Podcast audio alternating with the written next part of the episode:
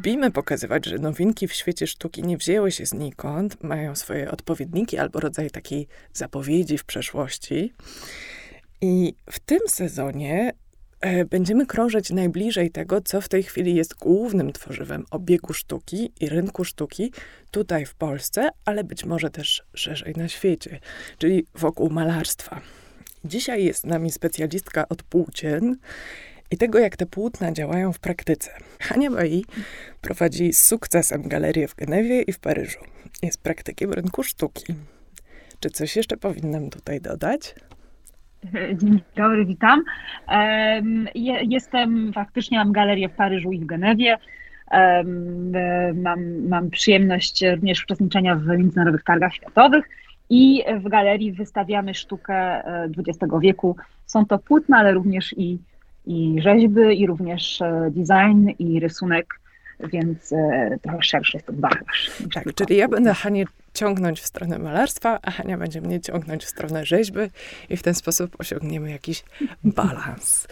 E, ale zupełnie serio chciałabym cię, Haniu, dzisiaj zapytać o te wszystkie rzeczy, które nas nurtują, a trochę, trochę wstydzimy się o, nie, o nich tutaj rozmawiać. E, będę też bardzo często dzisiaj się odwoływać do twojej warszawskiej perspektywy, bo oprócz Genewy i Paryża wiem, że przyglądasz się temu, co się dzieje w Warszawie, masz wiedzę o polskiej sztuce. Mm, tak od czasu do czasu też zapytam cię, jak, jak te perspektywy się zbiegają, te wszystkie trzy lokalizacyjne perspektywy. No i jestem pewna, że twój panoramiczny ogląd i targowe doświadczenie i te perspektywy będą dla słuchaczy bardzo ciekawe. E, chciałam zapytać, na, chciałam zapytać na początek, w ilu targach sztuki bierzesz udział rocznie? Jak to wygląda? Więc e, w tym momencie mamy pięć targów, w których uczestniczymy międzynarodowych targów. E, przed COVID-em było ich dziewięć, teraz żeśmy się to no troszeczkę tak. bardziej... E, Słynna covidowa redukcja. Tak, tak, ale żeśmy też no, dokonali takiej selekcji, po prostu by być w tych najlepszych targach. Część targów po prostu padła też, mhm. niestety. No i, no i tak, więc mamy pięć różnych targów, w których uczestniczymy. Właśnie wróciłaś z jednych. Wróciłam właśnie z TEFA w Maastricht. Mhm. TEFA są to, są to targi e, no, w mojej ocenie absolutnie najważniejsze e, na świecie e, pod względem jakości. No zaraz obok Art Basel, który, który również jest niezwykle wysoko, jeżeli chodzi o, o, o jakość i, i jakby ważność mm -hmm. na scenie światowej. E, nie są to targi, które się odbywają w, w Holandii, w, w miejscowości Maastricht. Obie... Obiecywałam naszym słuchaczom i tobie, że będziemy rozmawiać trochę o przyszłości, trochę o teraźniejszości. Ja chciałabym zapytać o tą niedawną przeszłość, czyli o o, o, twoje pierwsze targi, e, w których brałaś udział jako widz, a może jako galerzystka, nie wiem, o których wolisz opowiedzieć, mhm. E, i o zmianie targowej, którą ty obserwujesz. No bo jesteś ak aktywnym graczem na rynku sztuki od wielu lat, formuły targowe się zmieniają, a co, co się zmieniło na poziomie tego, co się pokazuje w stendach galeryjnych w ciągu dekady na przykład? E, no więc tak, odpowiadając na pierwsze, pierwsze targi, w których uczestniczyłam jako, jako widz, to mhm. był właśnie TEFA w Maastricht. Odwiedza, odwiedzałam te targi jako studentka e, i, i, pełna podziwu i jakby to były to takie, no, to było coś absolutnie wspaniałego. Nigdy, nigdy wcześniej nie widziałam e, tylu wspaniałych obiektów, mebli, e, bo w TEFAF nie tylko są prezentowane obrazy, ale również e, sztuka antyczna, e, również meble. I teraz coraz więcej ten, ten dział contemporary zaczął się też roz, rozbudowywać. To A no właśnie. O zmianach. O to będę pytać za chwilkę. ale, ale, ale właśnie pamiętam, że było to dla mnie takie no absolutnie, absolutnie no niesamowite przeżycie. Niesamowite przeżycie, by być, tak blisko niesamowitych dzieł sztuki, które są oprócz tego, że no można je obejrzeć, dotknąć, można je kupić, jeżeli kogoś na to stać, bo były to rzeczywiście najpiękniejsze dzieła sztuki y, świata skupione w jednym miejscu, z najlepszymi galeriami na świecie. I sobie tak pomyślałam, Boże, co za, co za niesamowite miejsce, co za niesamowite targi i wtedy nie wyobrażałam sobie, że, że któregoś pięknego dnia y, moja galeria y, będzie się znajdowała pośród tych, tych znakomitych galerii, więc więc było to, no jest to takie wspaniałe doświadczenie dla mnie. No, e, bardzo tego I, gratuluję. Zasłużenie. Dziękuję, dziękuję bardzo, dziękuję bardzo. Jako galerzystka pierwsze moje, moje targi to było z kolei e, w Bazylei, nazywały się Scope. Ja miałam wtedy, zaczynałam, dopiero miałam swoją galerię sztuki nowej z młodymi artystami i, i, i po raz pierwszy właśnie wystawiałam chyba, chyba właśnie na Scope. E, I, no to, to zupełnie innej klasy targi, ale, ale dla mnie to było ważne doświadczenie i, i bardzo wiele się nauczyłam. No i potem jakby moja galeria ewoluowała i, e, i zaj, zaczęłam się zajmować coraz bardziej sztuką współczesną. E, pracuję razem z moim mężem, który w tamtych czasach zajmował się sztuką dawną. Mieliście podział zadań. Każdy, dokładnie. E, no i, i, teraz, no i teraz jesteśmy właśnie na TEFAF i jest to jedne z, z licznych targów, w których bierzemy udział. Okej. Okay. Um, Czyli mamy tak. doświadczenie targów, powiedzmy w dużym skrócie Modern Masters, mamy doświadczenie Contemporary. No i co mhm. się zmieniło od tych twoich pierwszych targowych doświadczeń na poziomie już, mówiąc najwulgarniej, kontentu tych targów? Czy, czy jako galerzystka też, nie? Mm-hmm. Czy co tak. To ja na początku wystawiałam, jak wspominałam, sztukę nową, więc pracowałam z młodymi artystami. Było to świetne doświadczenie, bo, bo y, jakby mogłam uczestniczyć również nieco w, w ich procesie twórczym y, jako ten pośrednik, który później prezentował tą sztukę y, kolekcjonerom, klientom. I, i to zupełnie inny rodzaj mm, pracy. Mhm. Tak? Jeżeli mamy galerię sztuki, um, to się nazywa secondary market, czyli rynek wtórny, e, czyli sztuka XX wieku, to są głównie artyści już, e, no, wielcy artyści, znane nazwiska, mhm. E, artyści już nieżyjący. Jak zaczynałam, to pracowałam z młodymi artystami żyjącymi. No i to, to, to się zmieniło. E, tak, no, to, tym, to, to, na pewno zmiana. Duża zmiana, a poza tym no, jakby też e, sposób pracy jest inny, dlatego że tutaj e, kupujemy te dzieła sztuki mhm. i, i jakby jest, i, i, później je sprzedajemy, tak? więc musimy śledzić rynek, musimy być na bieżąco z cenami, musimy być na bieżąco z wynikami aukcji i, Przepraszam, i właśnie ale z... wpadnę ci w słowo, Haniu, żeby zrozumieć, mhm. bo nie zawsze tak działają galerie w Polsce, które które znają nasi słuchacze. E, to znaczy, mhm. że galeria wciąga na swój stan magazynowy pracę mhm. młodych artystów? Tak. To znaczy, my tak głównie pracujemy. My mhm. kupujemy e, dzieła sztuki i później je, um, później je po prostu sprzedajemy.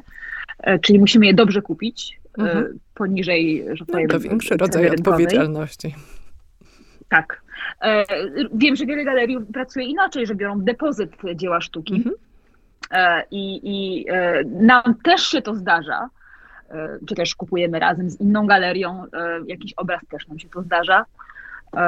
I, i, i prezentujemy ją podczas jakiejś wystawy, którą organizujemy, czy podczas targów, gdzie czujemy, że ten rodzaj sztuki będzie bardziej adekwatny, czy będzie bardziej pasował do, do tematu naszej wystawy, czy, czy też targów. I, i, no i tak, to jest inna praca. Mhm. A teraz... Inna praca, ale równie, równie interesująca. Jasne. A teraz jakbyśmy odwróciły ten peryskop, jakby z uwagi skierowanej na twoje stoisko targowe i jakbym cię poprosiła o opowieść o tej zmianie z perspektywy widza czy obserwatora trendów rynkowych, wizualnych w sztuce, to co było pokazywane na tych innych standach te 10-15 lat temu, a co jest pokazywane teraz? Czy to jest jakaś zmiana? Jest jakiś rodzaj e, trendu, a może nie wiem, e, bardziej przemijającej mody niż trend nawet? To znaczy jest bardzo dużo różnych targów, to też trzeba mm -hmm. podkreślić. Ja teraz mówiłam w perspektywie Maastricht, czyli tych targów, mm -hmm. które są dla nas jednymi z najważniejszych i myślę, że dla wielu galerii są jednymi z najważniejszych, bo tam właśnie przychodzą i muzea, i, i najwięksi kolekcjonerzy świata się spotykają.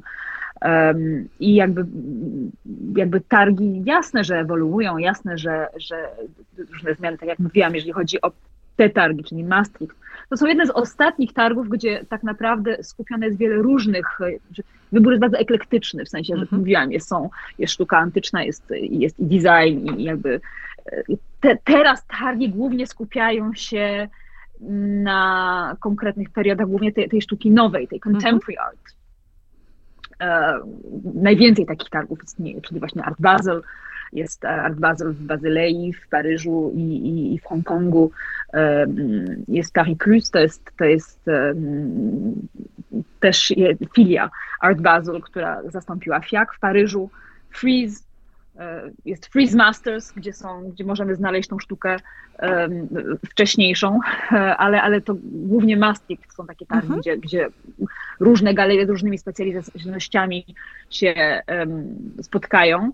I również w Maastricht, jeżeli mówimy o zmianach, to, co się zmieniło w, w obrębie ostatniej e, dekady, to jest to, że jest dużo więcej sztuki um, młodej, contemporary, mhm. e, czyli te takie galerie, które, które, które mają już tyle różnych innych targów, że naprawdę nie muszą się wystawiać na Maastricht, ale jednak są tam. I A jak myślisz, dlaczego? Dlaczego jest taki zbiorowy ran tych y, profesjonalistów, którzy, którzy lansują, pokazują, tworzą najmłodszy segment rynku sztuki i oni akurat szturmują Holender, tę imprezę dla klasyków? Myślę, że po prostu jest popyt na sztukę młodą. Mhm. No, ludzie chcą jeżeli chodzi o sztukę dawną, jeżeli mówimy o Old Masters, czyli wszystko, co było stworzone przed 1900 y, rokiem, to, czy sztukę antyczną, to potrzebna jest wiedza. Przepraszam, że tak to powiem. O, ja nie mówię, bardzo nie, cenny głos. Super. Sztuka, sztuka młoda czy, czy nowoczesna nie wymaga wiedzy, bo to byłaby nieprawda, ale wymaga um, research, wymaga rzeczywiście pasji, wymaga um, myślę, że, że mniej, coraz mniej ludzi um, poświęca czas na to, by, by rzeczywiście zgłębiać się, żeby rzeczywiście um, poznać tą sztukę dawną. Mhm. E, I, i um, bardziej się interesują nowymi trendami, młodymi artystami. Um, są pieniądze do zarobienia również na tym. Mhm. E, Większe niż w. Old Masters? To troszeczkę inaczej. E, tak. Mhm. tak. Um, I nie. nie dlatego, że Old Masters z najwyższej półki, w sensie nazwiska typu Rubens, um, typu uh, Ratto, Fragonard, takie, takie topowe, topowe, rzeczywiście to się sprzedaje i, i, i można na tym zrobić bardzo duże pieniądze. Ale trzeba mieć już bardzo dużo pieniędzy, żeby to mhm. kupić. Jeżeli chodzi o sztukę młodą, można jeszcze kupić coś w miarę niedrogo, mhm i potem bardzo szybko dobrze to sprzedać. Taką spekulację. Myślę, że, że to się do tego też, też sprowadza.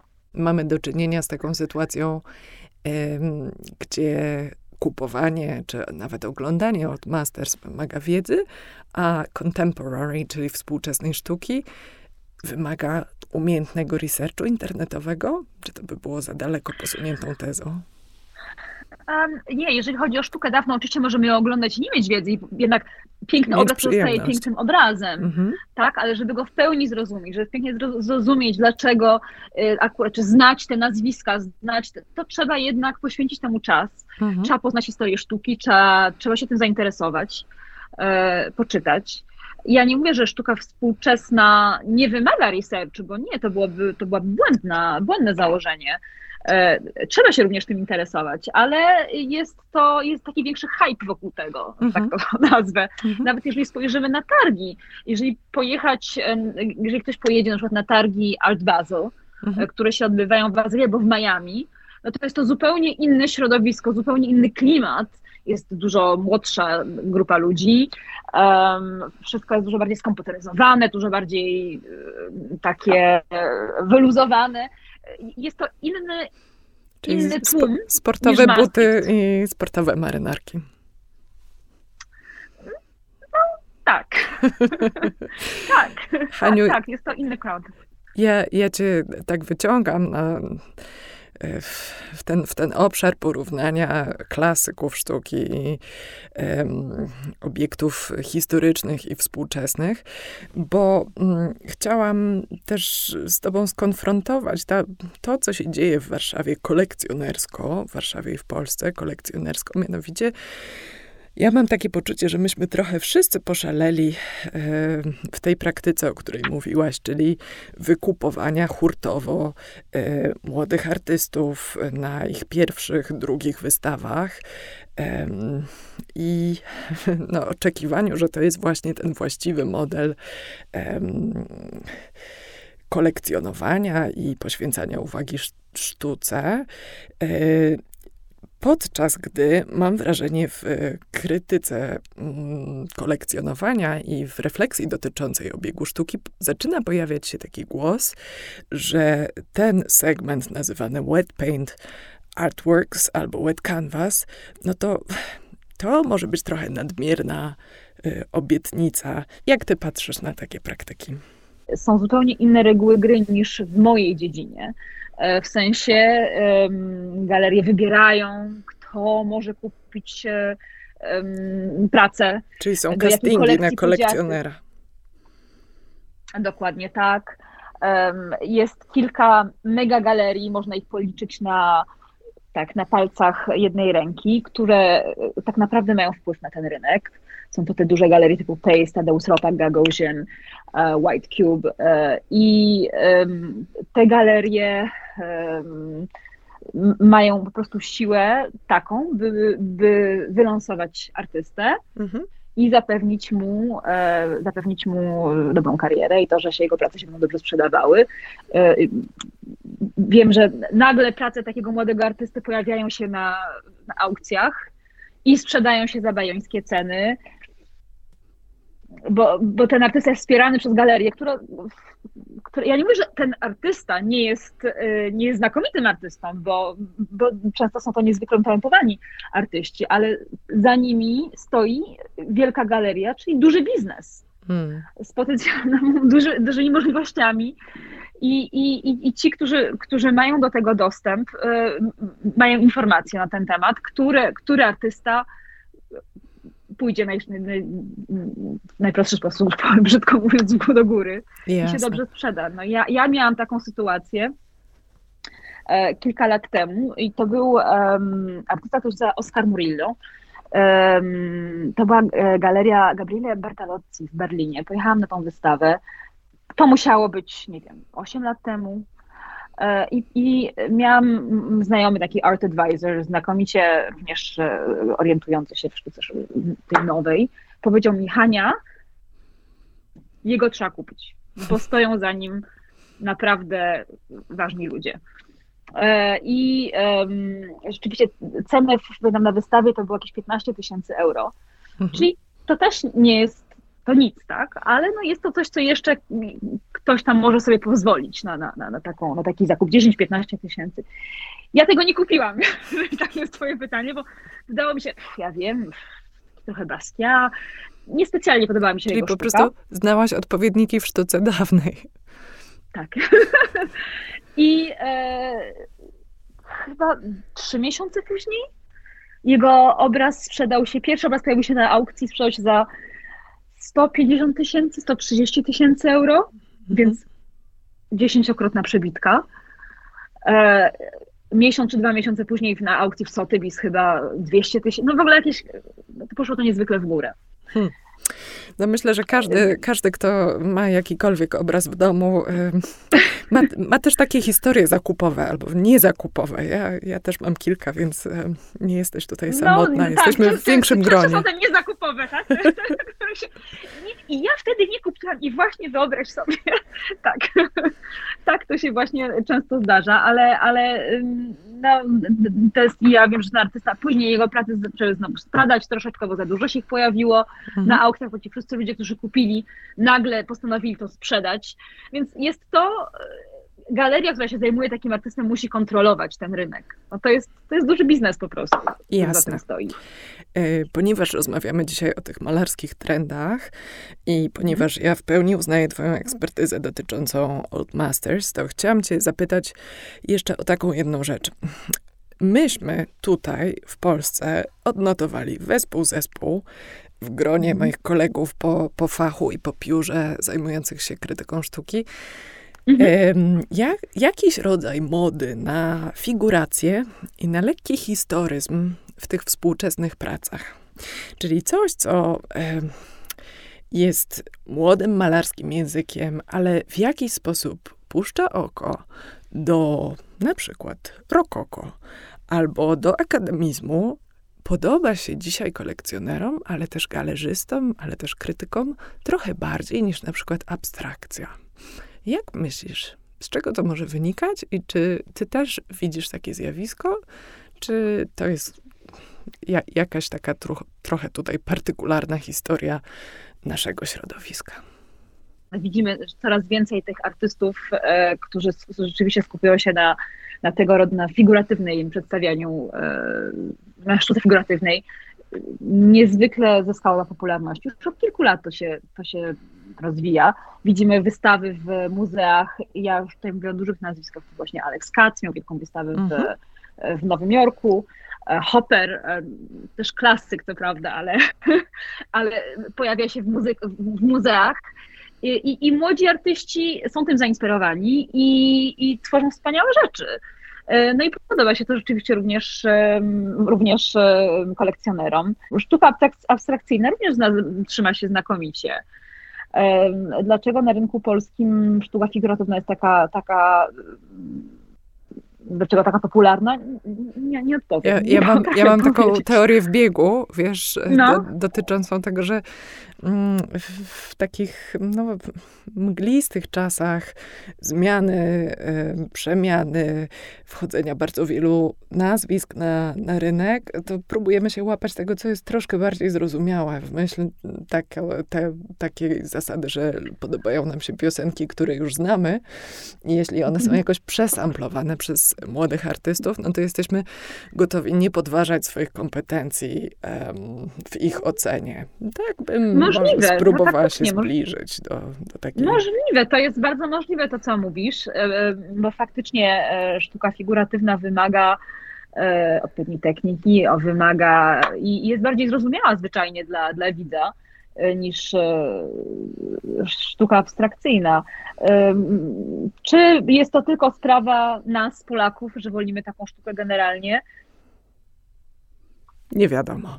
Nie wiadomo, tego nie jestem w stanie, nie jestem w stanie. Oczywiście są kraje, które mają swoje tam preferencje, ale sztuka figuratywna w ogóle zyskuje niezwykle na popularności, to już od kilku lat jest coraz więcej e, młodych artystów, którzy w ten sposób tworzą. No i znakomicie. No.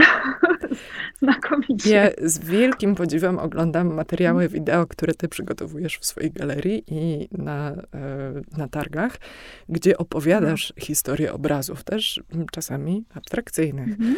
Mm, to jak to jest? Rolą galerzysty jest ciągle, ciągłe edukowanie rynku?